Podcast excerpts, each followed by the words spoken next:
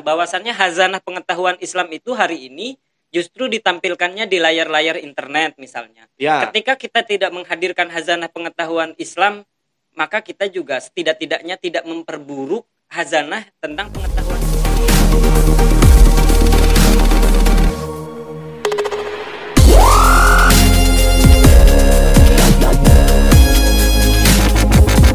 Assalamualaikum warahmatullahi wabarakatuh. Bertemu lagi di channel kita Pesan dan Tren. Pesannya kita dapat, trennya kita bawa pulang. Untuk segmen kali ini berkaitan dengan Hari Santri, kami mengundang narasumber yang sangat luar biasa.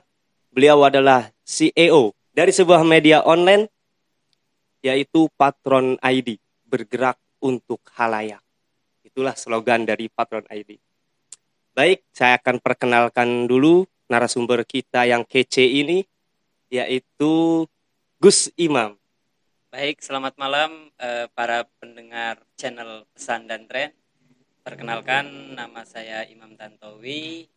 Latar belakang saya pernah berpendidikan di pesantren di Buntet Pesantren Cirebon.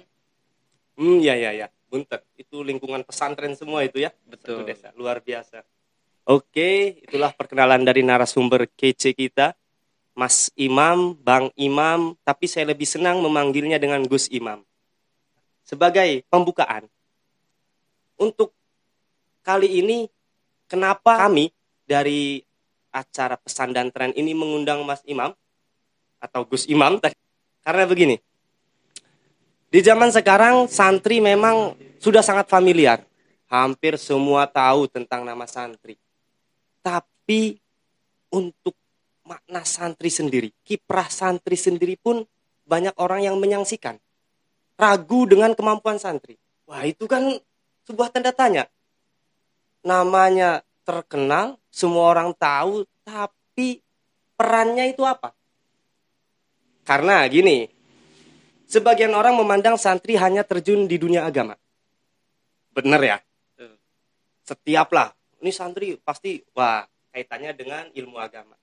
Padahal kalau dilihat-lihat santri yang berkiprah di luar eh, dunia pendidikan agama Islam pun sangat banyak. Termasuk salah satunya adalah Gus Imam ini. Kenapa saya panggil Gus? Wah, itu harusnya jadi pertanyaan. Kenapa saya panggil Gus?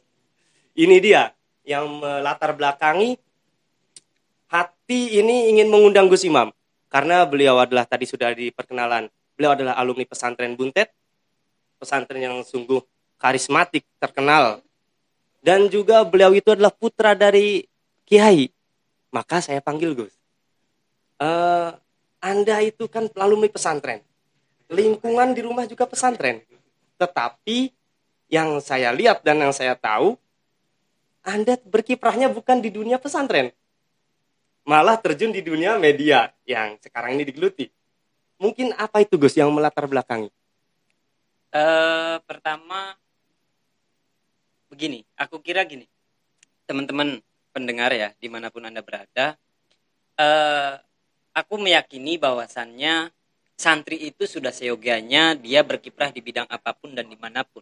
Ya, betul. Nah, kalau mengurai soal mungkin atau tidak eh, kalangan santri eh, masuk pada wilayah yang memang tidak lazim digeluti itu aku kira nggak tepat karena kalau bicara historis suka atau tidak kita akan disandarkan pada satu nama misalnya anak seorang kiai besar tempo hari itu ada juga yang menggeluti di bidang jurnalistik Nah, siapa itu Gus? Eh, Mahbub Junaidi Mahbub Junaidi. Ya, Mahbub Junaidi itu bahkan dia beliau sampai menjadi ketua dewan pers di provinsi DKI Jakarta. Nah, usut punya usut kalau menyoal dunia pers, tempo hari saya sendiri sampai yakin pada dunia pers itu karena mendapatkan keyakinannya itu dari Kiai Haji Maimun Zuber. Oh, Ya Mbah? Mun, Betul. almarhum, atau yang lebih dikenal Mbah Mun. Masya Allah, Masya Allah. Nah, tempo hari ketika saya mengunjungi Mbah Mun itu, saya menemukan keyakinan waktu itu yang diurai oleh Mbah Mun itu soal istiqomah khairun min alfi barokah. Jadi Ya. Mbah Mun itu menilai bahwasanya orang yang istiqomah atau konsisten di bidangnya maka itu akan menemukan apa lebih baik dengan lebih baik dibandingkan dengan seribu barokah atau edit value. Tadi bagaimana? Al istiqomah Ya, khairun min alfi barokah. khairun min alfi barokah. Istiqomah itu lebih baik daripada, seribu daripada barokah. seribu barokah. Nah, Jadi eh, langkah awal itu adalah latar belakang langkah awal kenapa Anda terjun di dunia pers ini. betul, betul, betul. Apakah ada tujuan lain selain karena dorongan itu? eh di sisi lain akhirnya kita juga sadar bahwasannya hazanah pengetahuan Islam itu hari ini justru ditampilkannya di layar-layar internet misalnya. Ya, Ketika kita tidak menghadirkan hazanah pengetahuan Islam, maka kita juga setidak-tidaknya tidak memperburuk hazanah tentang pengetahuan Islam. Pilihan saya adalah pada yang kedua, tidak memperburuk tentang hazanah pengetahuan Islam itu sendiri yang hari ini masih memang ada konotasi-konotasi negatif misalnya didekonstruksikan eh, sama beberapa kelompok dianggapnya Islam itu radikal ya misalnya. betul, betul. bahkan tem- bukan tempo hari baru beberapa dekade kemarin itu misalnya ada pembakaran terhadap Al-Qur'an. Ini kan menjadi miris. Ya sebenarnya kalau eh, mengikuti apa yang telah eh, Gus Imam tadi sampaikan, apakah dalam perjalanan ya, dalam perjalanan menentukan eh, jalan ya, kita bisa katakan jalan hidup ya, jalan hidup Anda menjadi jurnalis, terjun dunia pers. Nah, itu apakah tidak mendapat gunjingan-gunjingan? Maksudnya gini, eh, kita tahu Anda alumni pesantren, eh, hidup di lingkungan pesantren, putra kiai, apakah tidak dicemooh oleh orang? Ya, kalau soal dicemooh atau tidak ini kan persoalan bagaimana kita menempatkan diri. Eh, ayahnya Mahbub Junaidi juga sebetulnya itu kiai besar, kiai besar bahkan eh, sampai merelakan anaknya untuk berkiprah di bidang pers karena meyakini waktu itu bahwasanya pers itu bagian dari pilar demokrasi, pers juga bagian dari apa namanya eh, proses yang akan menjaga nilai-nilai keindonesiaan, nilai-nilai Iya, betul. kebangsaan, nilai-nilai Pancasila termasuk di dalamnya tadi santri juga harus dijaga oleh narasi-narasi yang dibangun secara positif. Misalnya bicara hari ini ini kan kalau didefinisikan santri itu negatif dan harus berki- berkiprahnya hanya Di- pada wilayah iya. religius kan aneh ya. Ya, betul. Gitu. Maka dihadirkanlah itu melalui platform-platform yang memang tampaknya berbeda. Misalnya dari judul saya menggunakan platformnya itu Patron ID, ya. Patron ID itu dalam konteks pemaknaan eh, yang tidak difahami secara ansih barangkali orang hanya melihatnya wah ini luar sebetulnya enggak kok. Itu Memang itu saya pun membacanya sekilas tuh nggak ada Islami-Islaminya gitu. itu sebetulnya religius banget. Religius. Sangat Hah? Emang- religius, emang sangat apa itu? sangat islami. Jadi begini, ketika saya eh, mengunjungi almarhum Mbah Maimun Zuber, Mbah Maimun Zuber itu bercerita secara panjang dan detail tentang Mahbub Junaidi. Di mana Mahbub Junaidi sebelum menuliskan buku tentang hari ke hari, dari hari ke hari menuliskan buku kumpulan esainya yang ada di Kompas misalnya. Ah, itu proses perjalanannya Mahbub Junaidi it- itu mengalami fase yang memang harus menentukan pilihannya di mana dia satu sisi adalah putra kiai, di sisi lain dia juga harus ber- berkiprah di bidang sesuai fashion dan keilmuannya. Berarti ada pergolakan dong. Ya betul. Gitu. Anda pun seperti itu. Sama seperti demikian tidak jauh berbeda begitu. Kembali pada pemaknaannya, sebetulnya patron itu maknanya kita mengambil dari filosofi Yunani. Ah, patron itu bisa dikatakan imam.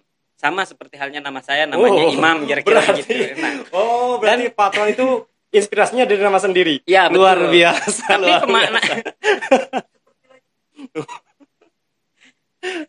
ya, silakan lanjut Gus. Nah, itu saya agak kaget sebabnya. ya, imam itu kan sederhana betul. Kalau saya dikasih nama sama orang tua saya itu Imam Tantowi karena memang mengambil dari eh, pemaknaan atau tafangulan dari eh, kitab tafsir Tantowi kira-kira. Oh, Jadi inspirasinya dari dari bahasa Yunani nama Betul. patron itu.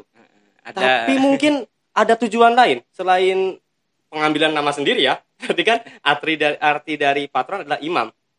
Apakah ada tujuan sendiri? Kenapa dinamakan patron gitu? ya di sisi lain Dalam jangka panjang mungkin Ya, di sisi lain saya meyakini bahwasannya kiprah santri itu harus ada di berbagai bidang termasuk di bidang literasi. Ini bagian dari kontribusi santri masuk pada wilayah literasi. Karena kalau sampai hari ini per 2016 itu bidang literasi yang ada di Republik Indonesia itu kita dikasih rating nomor urutan 61 dari 62 negara. Ini menjadi miris. 61. Padahal- Dari 62 negara. Wih, itu rekor juga Eh, berarti. ya, rekor ketertinggalannya kira-kira. Iya, berarti juara kedua dari terakhir. Ya kira-kira. Padahal kalau misalkan itu diurai dari beberapa pesantren yang ada di Republik Indonesia, kalau santri-santri semuanya diurai, itu mereka juga kontribusi terhadap tulisan, kontribusi terhadap bacaannya tinggi. Mm, Tapi nyata-nyatanya mungkin eh, yang melakukan riset itu tidak, tidak sampai ke sana. Akhirnya itu juga tidak tidak apa namanya mampu menghadirkan rating negara kita ini menjadi naik begitu. Di sisi lain banyak juga santri-santri yang mau menulis begitu dan tulisan-tulisannya itu tajam. Selain tajam biasanya ada plotnya atau ruh ya dalam tulisannya. Saya kerap kali membaca tulisan-tulisan santri yang menurut saya nyaman untuk dibaca meskipun saya belum berani menyiapkan eh, konten secara spesifik atau secara khusus yang memang dimuat untuk santri karena saya melihat beberapa hasil riset saya terkait majalah Anida misalnya Mm. yang hari ini harus gulung tikar ada banyak majalah-majalah yang gulung tikar. Nah, betul. Itu karena me- mereka menggunakan platform murni santri yang seolah-olah eh, kehadirannya itu santri kurang banyak baca, Iya. santri eh, kurang banyak pengetahuan atau apa. Nah, saya juga berangkatnya memang dari menulis-menulis yang ada di majalah-majalah. Saya jadi 2004 itu sudah eh, mulai belajar kontribusi kirim tulisan itu ke majalah punya Lirboyo namanya Miskat.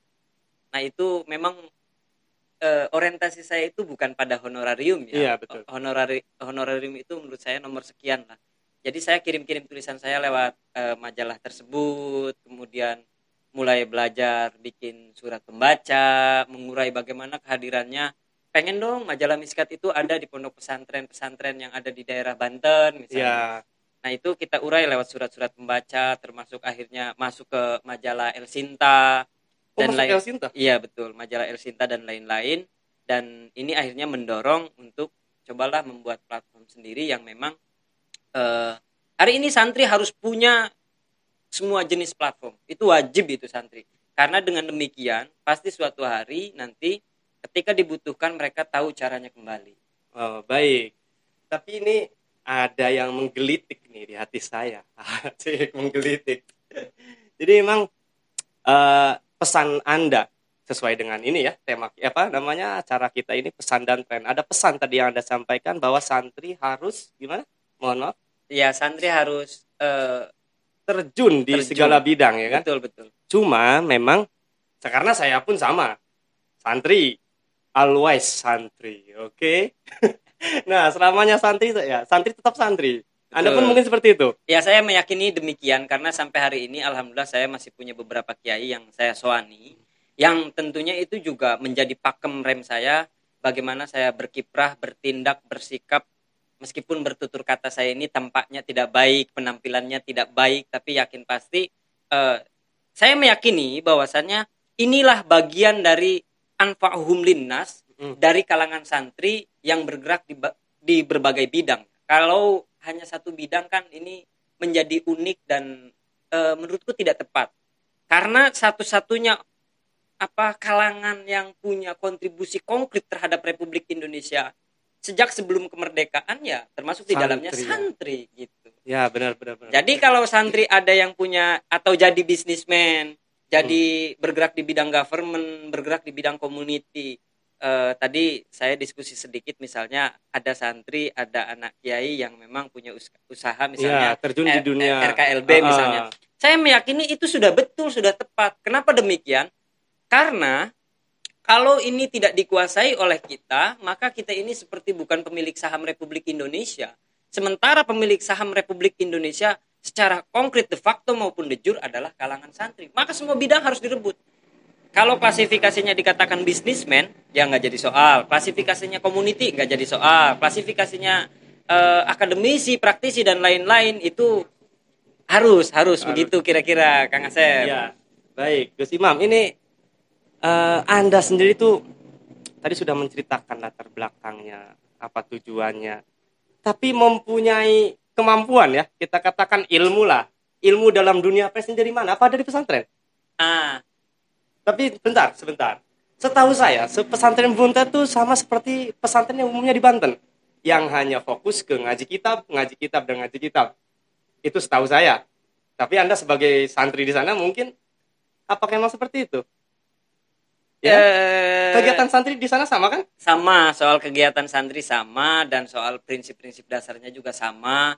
Jadi kalau masuk pada bidang apa pun ya rumusannya juga sama Mm-mm. seperti halnya yang belajar karena di bidang pers juga dia belajar seumur hidup dan rumusannya itu sederhana kok kala tarum ilman wata truka ta'ab jadi nggak Mm-mm. usah lah itu mau belajar punya keinginan menjadi orang atau apa kalau dia sendiri tidak eh, apa ya tidak meyakini bahwasanya eh, ada penderitaan panjang yang harus dilalui karena Oh, iya, karena rumus dasarnya panjang. Iya, karena rumus dasarnya sesuai dengan konsepnya Imam Ghazali misalnya dalam konteks belajar itu kewajibannya tinggi sekali. Betul. Walau bainaka wa bainaha baina bahrum minanas. Walaupun di antara kamu dengan ilmu itu seperti halnya lautan api. Kan Hmm. mengeri sekali ini ya. Bainaka Wa bainaha baina bah- bahrum minan nar begitu. Hmm. Ini sebelum masuk pada wilayah konsep yang yang lebih menyakitkan atau lebih tinggi lagi misalnya dari mulai dilahirkan sampai masuk Iya. ke liang ajal. Minallah dilalah di itu Iya ya. betul. Dilalah di. Nah ini lebih lebih mengerikan. Jadi ada ada ada memang proses-proses eh, yang sedikit meyakinkan apa menyakitkan misalnya kita harus dituntut deadline. Ya Mm-mm. sama sih sama soal yang lain-lainnya dituntut deadline itu kan bicara soal bagaimana kita mengefektifkan waktu hanya itu saja. sih. Baik, baik. Kalau yang saya dapat dari pesantren ketika mondok, pesan dari kiai itu ilmu itu bukan hanya dicari. Betul ya? Betul. Bukan hanya dicari, setelah kita dapatkan, kita amalkan. Betul, ya? betul, betul. Tuntutannya kita cari, kita dapatkan, kita amalkan. Lalu kita sebarluaskan Betul. nasrul ilmi. Betul. Nah, eh, ketika kita terjun di dunia selain dunia pendidikan agama Islam atau pesantren, apakah bisa melaksanakan tiga? Eh, yang satu udah mencari ilmu, mengamalkan itu pribadi. Tapi untuk menyebarkan, ketika kita tidak terjun di dunia pesantren, apakah termasuk ke dalam menyebarkan agama Islam ini, ilmu ini? Kalau kita memaknainya segala sesuatu adalah ibadah, Mhm. maka ini juga bagian dari ibadah kita. Bukti konkret dan realnya begini. Kita melakukan safari jurnalistik itu di beberapa pesantren. Hmm. Bukan di beberapa pesantren ya, yang memang hari ini kita berhadapan dengan dunia media sosial. Betul, yang betul. kita lakukan itu hanya mengkanter bagaimana siswa-siswanya atau para santrinya itu tidak mempublis yang sifatnya tunnya negatif. Bagaimana tidak? Kalau misalkan bukan dari kalangan santri, kita tidak akan melerai mereka dalam perspektif kebaikan Mhm. atau bisa dikatakan etika, etiket atau akidah akhlak. Nah, maka itu yang kita lakukan. Udah yang penting santri itu jangan sampai mempublis perkara-perkara negatif yang ada di pesantren. Kalau perkara-perkara negatif itu dipublik, ditampilkan terhadap publik, Iya. maka ini kan menjadi PR. Tugas kita yang memang eh berbuatnya hanya sedikit atau tipis-tipis berbuatnya, ya kita cuman eh, melerai atau meminta supaya santri-santri ini tidak eh, apa namanya menyebarkan konten-konten negatif. Nanti yang bisa nanti mengakibatkan menjelekkan nama Ya, pesantren kira-kira dan santri itu. sendiri. Ya, silakan diminum dulu, Gus, Gus. Ini obrolan udah jauh dan juga sangat seru ini. Banyak hal yang ingin saya tanyakan. Keberatan nggak, Gus? enggak enggak jadi soal kok. Kita secara terbuka aja karena memang ini konteksnya saya juga belajar lah di sini gitu. Ya kalau gitu sama-sama belajar, Gus. Ini karena belajar nggak ada habisnya ya. Betul. belajar betul. sampai liang lahat. Ini Gus Imam ini sudah berkeluarga belum? Eh, belum dan mohon didoakan insya Allah dalam waktu dekat ini. Amin. Doakan, aminnya coba, aminnya. Amin. Wah, itu dapat doa dari kru kita. Wah luar biasa sekali. Oh.